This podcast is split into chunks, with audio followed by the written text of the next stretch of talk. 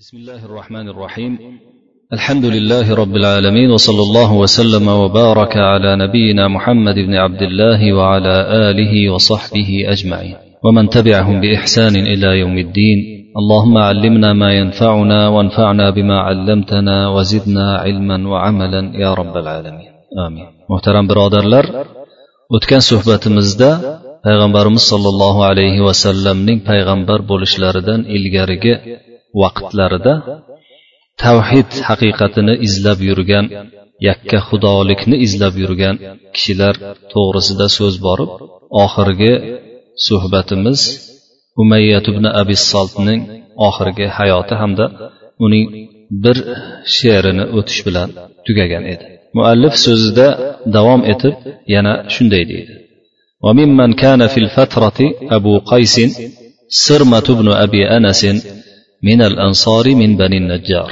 وكان قد ترهب ولبس المسوح وهجر الأوثان ودخل بيتا واتخذه مسجدا لا تدخله طامث ولا جنب. وقال أعبد رب إبراهيم. ولما قدم النبي صلى الله عليه وسلم المدينة أسلم وحسن إسلامه. o'sha oraliqda yashab o'tgan kishilardan biri abu qays sirma ibn abi anas degan kishi edi. Bu odam ansorlarning banu najjor qabilasidan edi.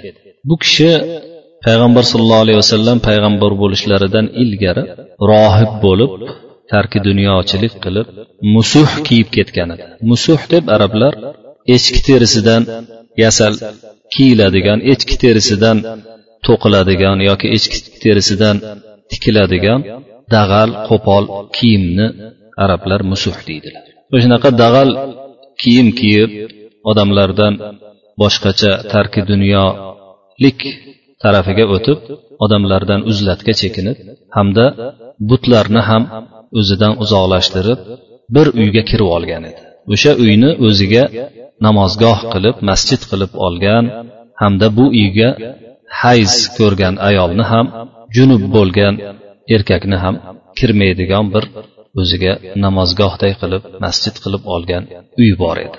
Va men ibrohimning rabbisiga ibodat qilaman der edi kelganlarga. Payg'ambar sollallohu alayhi vasallam madinaga kelganlaridan keyin alloh taolo bu kishiga hidoyatni xohlab taqdirida hidoyat bor ekan musulmon bo'ldilar va musulmonliklari juda chiroyli bo'lib sahobalarni ulug'laridan bo'lib ketdilar.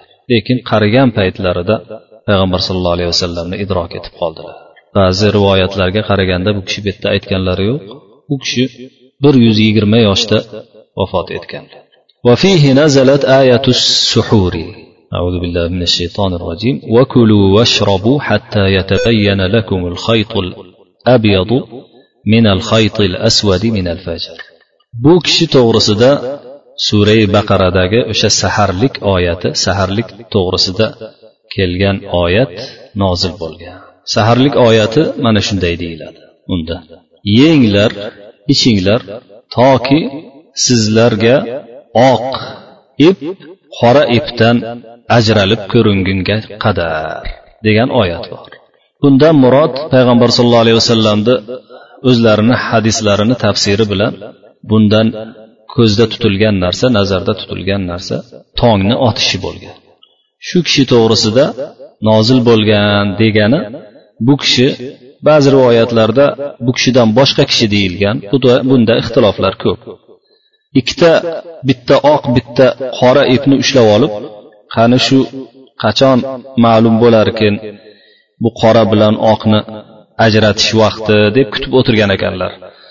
Shu oyatga amal qilaman deb. Shunda payg'ambarimiz sallallohu alayhi vasallam kelganlarida u kishi aytdilarki u oyatdan murod ko'zlangan maqsad o'sha tongni otishi aynan shu ikkita bittasi oq bittasi qora ipni olib shuni ajratish emas degan ekan وهو القائل في النبي صلى الله عليه وسلم ثوى في قريش بضع عشرة حجة يذكر لو يلقى حبيبا مواتيا bu kishi shoir ham bo'lganlar shuning uchun bu kishi aytyaptilarki muallif payg'ambar sollallohu alayhi vasallam to'g'rilarida haqlarida ushbu baytni aytgan kishi mana shu kishi bo'ladilar payg'ambar sollallohu alayhi vasallam deydi bu kishi quraysh ichida bir necha yil turdilar.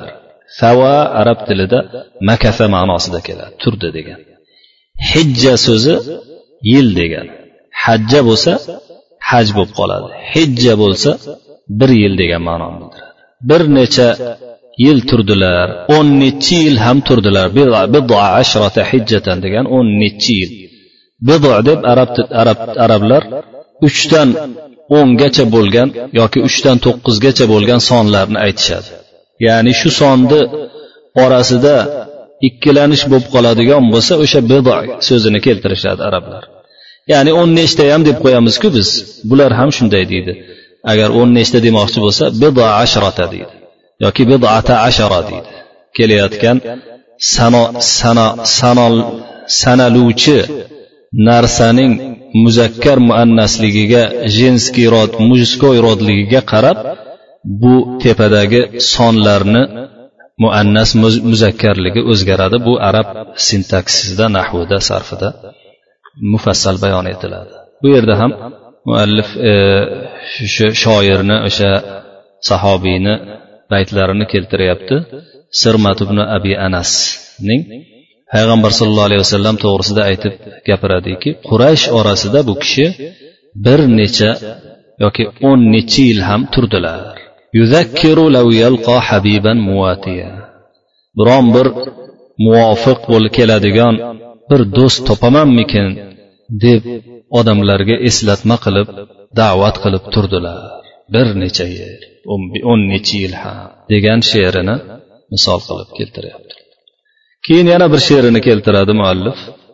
وهو الذي يقول يقول أبو قيس وأصبح غاديا ألا ما استطعتم من وصاتي من وصاتي فافعلوا أوصيكم بالله والبر والتقى وأعراضكم والبر بالله أول وإن قومكم سادوا فلا تحسدنهم وإن كنتم أهل الرياسة فاعدلوا وإن نزلت إحدى الدواهي بقومكم فأنفسكم دون العشيرة فاجعلوا وإن أنتم أمعرتم فتعففوا وإن كان فضل الخير فيكم فأفضلوا وإن ناب غرم فادح فارفعوهم وما حملوكم في الملمات فاحملوا. bir she'rida shunday deydi abu qays sirmat ibn abi anas abu qays ertalab turgan holda aytadiki o odamlar ala so'zi arab tilida ogoh bo'ling meni gapimga quloq soling degan o'rinda ishlatishadi. O odamlar deymiz biz o'zbek tilida ular ham ala deganda shu o'sha o odamlar degan ma'noni yoki ogoh bo'ling degan ma'noni bildirishadi. Bildirib shunaqa deyishadi. Quloq solinglar min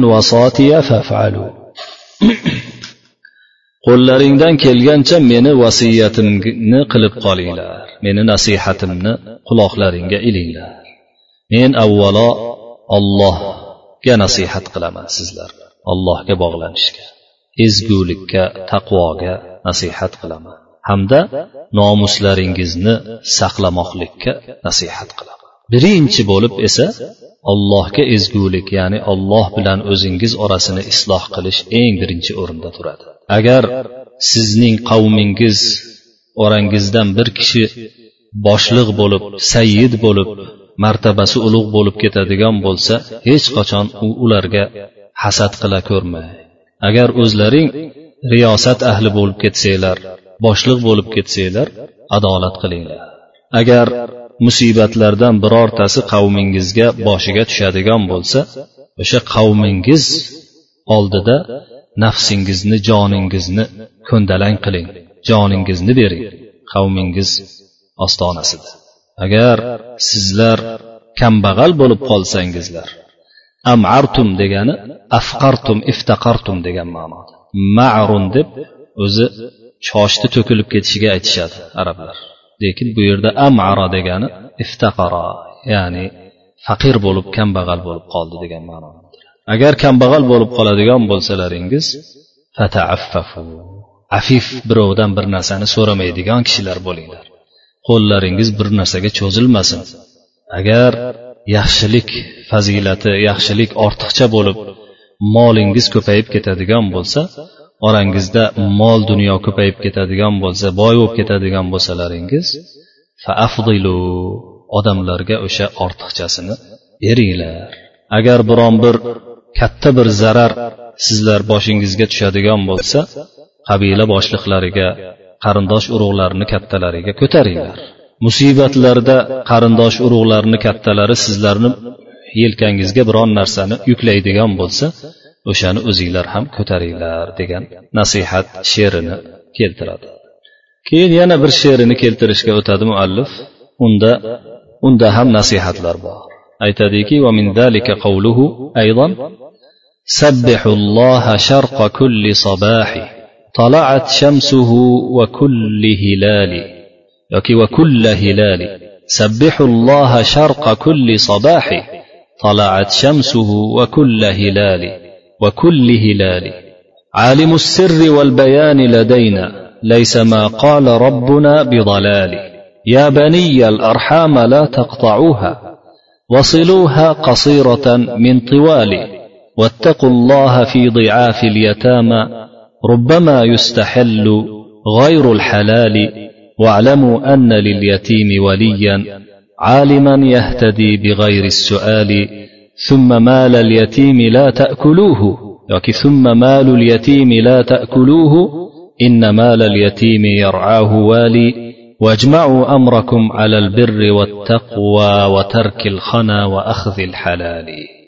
الله سبحانه وتعالى har tong chiqayotgan vaqtda otayotgan paytda ulug'langlar tasbeh aytinglar oftobi chiqqan har bir tongda hamda har bir kechada bu yerda kulla hilolin deb har bir hilolda degandan maqsad hilol ko'pincha kechasi chiqadi. Shuning uchun kechasi ma'nosi ko'zda tutilyapti. Har ertalab har kechasi ya'ni doimo alloh subhanahu va taoloni ulug'lab unga tasbeh ayting u zot siru asrorlar hamda oshkoraliklar oshkora narsalarning bilimdonidir. Ya'ni bizdagi bo'ladigan sir bilan oshkor uni nazarida uni nazdida farqi yo'q. Sirni qanchalik biladi oshkorani qanchalik biladigan bo'lsa u zot sirni ham xuddi shunday bilib turadi. Buni o'zi aytib qo'ygan alloh subhanava taolo. Yalamu sirra va axfa degan oyatlar boru. Laysa ma qala robbuna bidalali rabbimiz aytgan narsa hech qachon zalolat adashish emas. Bir narsani aytibdimi o'sha narsa albatta bo'ladi o'sha narsa bilan alloh subhanava taolo albatta sifatlangan bo'ladi. Ey bolalarim ey farzandlarim qarindosh urug'likni hech urug'chilikni hech uzmanglar. Silay rahmni uzmanglar silay rahm qilinglar. Tez tez silay rahm qilib turinglar garchi uzayib ketsa ham. Alloh subhanahu va taolodan yetim zaiflar haqqiga qo'rqinglar. Zero halol bo'lmagan narsa gohida halolga aylanib tavil qilib ha bu bo'laveradi deb halol qilib yuboriladi goho yoki ko'pincha. Goho emas ko'pincha shunaqa bo'lib ketishi mumkin. O'shaning uchun ehtiyot bo'linglar. Har xil tavillar bilan har xil ilinjlar bilan ma'no ilinjlar ortida yoki har xil ma'nolarini o'zgartirishlar yordamida birovlarning haqlari bo'lgan xususan yetimlarni haqlari bo'lgan narsada harom narsani halol qilib qo'ymanglar o'zlaringga. Bilinglarki yetimning bir yaqin do'sti bor. Shunday do'stiki u hech bir so'ramasdan bilib turadi hamma narsani. Yetib tagiga yetib ulgurib bilib turadigan bir do'sti bor ya'ni alloh subhanava taolo bor valisi bor. Keyin yetimni molini hech qachon yemanglar. Yetimni boshqa narsalariga ku tegmanglar molini xususan hech qachon yemanglar. Unga kerakli bo'lgan uning xususiyati bo'lgan narsasini. Chunki yetimning molini bir voliy bir hukmdor boshqarib turadi. Ya'ni alloh subhanava taolo unga ko'z quloq bo'lib turadi.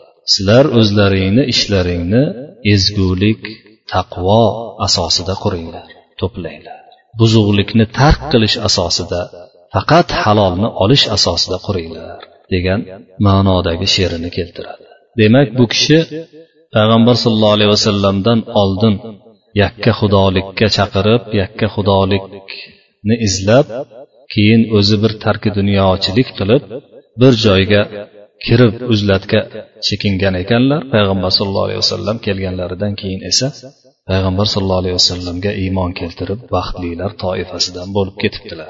Ismlari sirma ibn abi anas kunyalari abu qays. Ba'zi kitoblarda ismlari sadma ma'nosida kelgan. Sadma ibn abi anas yoki sadma ibn anas ham deyiladi. Bunda ixtiloflar bor. Hofiz ibn hajar al asqaloniy o'zlarini isoba kitoblarida bu kishini ismlarini sadma deb ataydilar. Keyin muallif so'zida davom etib yana bitta kishining ta'rifini keltiradi.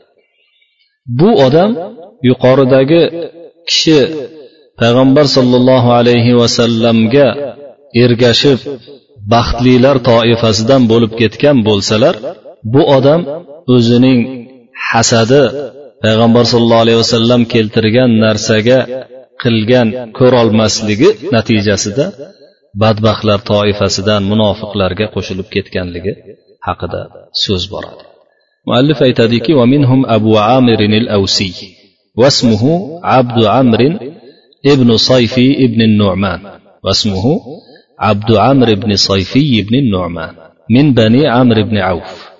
وابنه حنظلة بن أبي عامر وهو غسيل الملائكة. وكان سيدا في الجاهلية قد ترهب فيها ولبس المسوحة وكان يسمى في الجاهلية الراهبة. payg'ambar sollallohu alayhi vasallam payg'ambar bo'lib kelishlaridan ilgari o'sha oraliq davrda yakka xudolikka da'vat qilib o'zini yakka xudolikka mansub qilib o'tganlardan biri faqat allohga ibodat qilaman deb shuni izidan izlanib yurgan kishilardan biri abu omir al avsiy degan kishi edi. Uni ismi abdu amr ibn sayfiy degan ism bilan nomlanardi. Bu ham bu odam ham amr ibn avf qabilasidan ansorlardan bo'lgan. Qizig'i shundaki bu odamni o'g'li hanzolat ibn abi amir hisoblanadilar. Bu kishi sahobalarni eng ulug'laridan farishtalar bu kishini g'usul qilib yuvintirib cho'miltirib ketgan kishilardan hisoblanadilar. G'azotlardan bittasida bu kishi yangi kuyov bo'ladilar o'g'illari o'sha odamni o'g'li. O'zingiz ta'rifini eshitgansizlar hanzalani. Shu kuyov bo'lganlarida urushga chaqirib qolinganda hali g'usul qilib olmagan ekanlar shundaycha chiqib ketadilarda shahid bo'ladi. O'shanda payg'ambar sallallohu alayhi vasallam bu kishini farishtalar yuvintirayotganini aytadi. Shuning uchun nomlari g'asilul maloika deb laqab oladi bu kishini o'zlari. O'sha odamni dadasi abu omir al avsiy edi. Johiliyatda sayyidlardan qavmini ichida eng zodagonlaridan kattalaridan edi. hamda rohibga aylanib tarki dunyochilik qilib bu ham o'sha terilardan kiyim kiyib dag'al kiyimlarga ruju qo'yib dunyodan etak silkib ketganlardan biri edi johiliyatda shu zohidligi sababli rohib deb atalar edi odamlar uni abu omirini rohib deb tanir edilar فلما قدم رسول الله صلى الله عليه وسلم المدينة جاهره بالعداوة فخرج فارا إلى قريش يمالئهم يماليهم على حرب رسول الله صلى الله عليه وسلم. وجاء معهم يوم أحد وحفر حفائر بين الصفين فوقع في إحداهن في إحداهن رسول الله صلى الله عليه وسلم. madinaga rasululloh sollallohu alayhi vasallam hijrat qilib kelganlarida ana uning hasadi qo'zg'adida rasulullohga adovatni oshkora qila boshladi. Madinada ko'ziga dunyo tor ko'rib ketgan ketilib ketgandan keyin ko'rinib ketgandan keyin qurayshga qarab qochib ketdi. Payg'ambar sollallohu alayhi vasallam bilan payg'ambarga qarshi urushga ularni qo'zg'agan ularni tezlagan holda o'sha yoqda yurdi. Ularga qo'shilib uhud jangida birga keldi. Ikki saf orasidagi handaqlarni chuqurlarni o'sha qazdirdi o'zi ham qazdi o'sha sababli payg'ambar sallallohu alayhi vasallam shu chuqurlardan bittalariga bittasiga yiqilib ketgan edilar وتقدم في أول المبارزة فاستمالهم إلى نصره فلما عرفوه قالوا لا أنعم الله بك عينا يا فاسق يا عدو الله ونالوا منه فرجع وهو يقول لقد أصاب قومي بعدي شر jangni avvalida boshida o'rtaga chiqib o'zini ilgargi qavmiga qarab turib o'ziga yordam berishga ularni talab qilib gapirdi. Unda uzoqdan qarab uni tanidilarda sahobalar ansoriylar aytdilarki la anamallohu bika ayna. Sen orqali biron bir ko'zni ne'matlantirmasin olloh degan aynan tarjimasi qilsak shunday bo'ladi.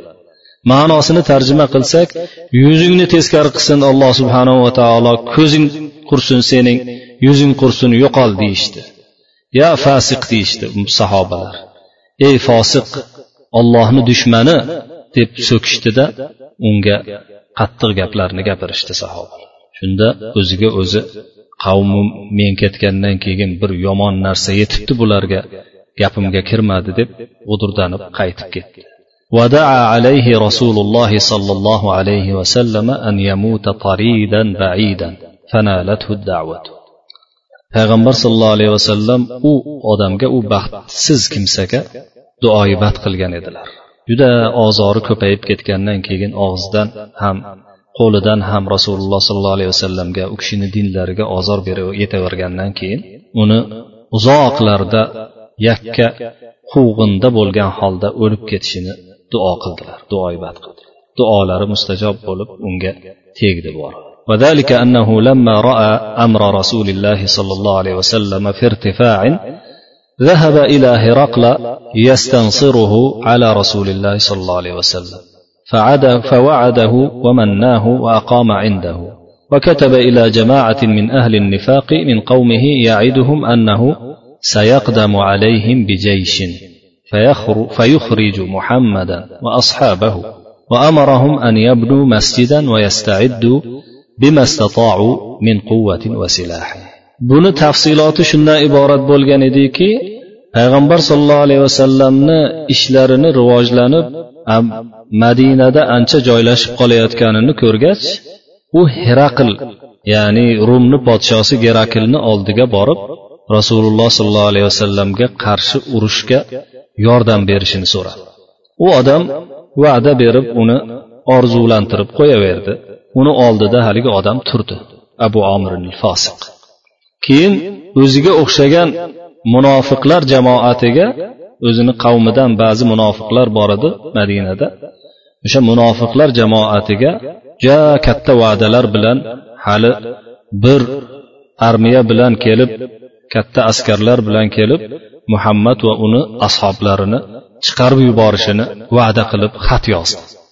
Xat yozdida xatni oxirida o'zlariga bir masjid qurib o'zlarini qo'llaridan kelgancha kuch va qurol yig'ishni tayyorlanishni buyurdi ularga فبنوا مسجد الضرار فلما فرغوا أتوا إلى النبي صلى الله عليه وسلم فقالوا إنا قد فرغنا من مسجدنا فنحب أن تصلي فيه وتدعو لنا بالبركة فأنزل الله القرآن فيه والذين اتخذوا مسجدا ضرارا وكفرا الآيات وأمر به رسول الله صلى الله عليه وسلم بعد أن رجع من تبوك فحرق ular o'sha yerdagi munofiqlar madinadagi munofiqlar ziror masjidini qurdilar kishilarga zarar beradigan odamlar o'rtasiga tafriqaga sabab bo'ladigan masjid bo'lganligi uchun alloh uni keyingi oyatlarda hali hozir tarjima qilamiz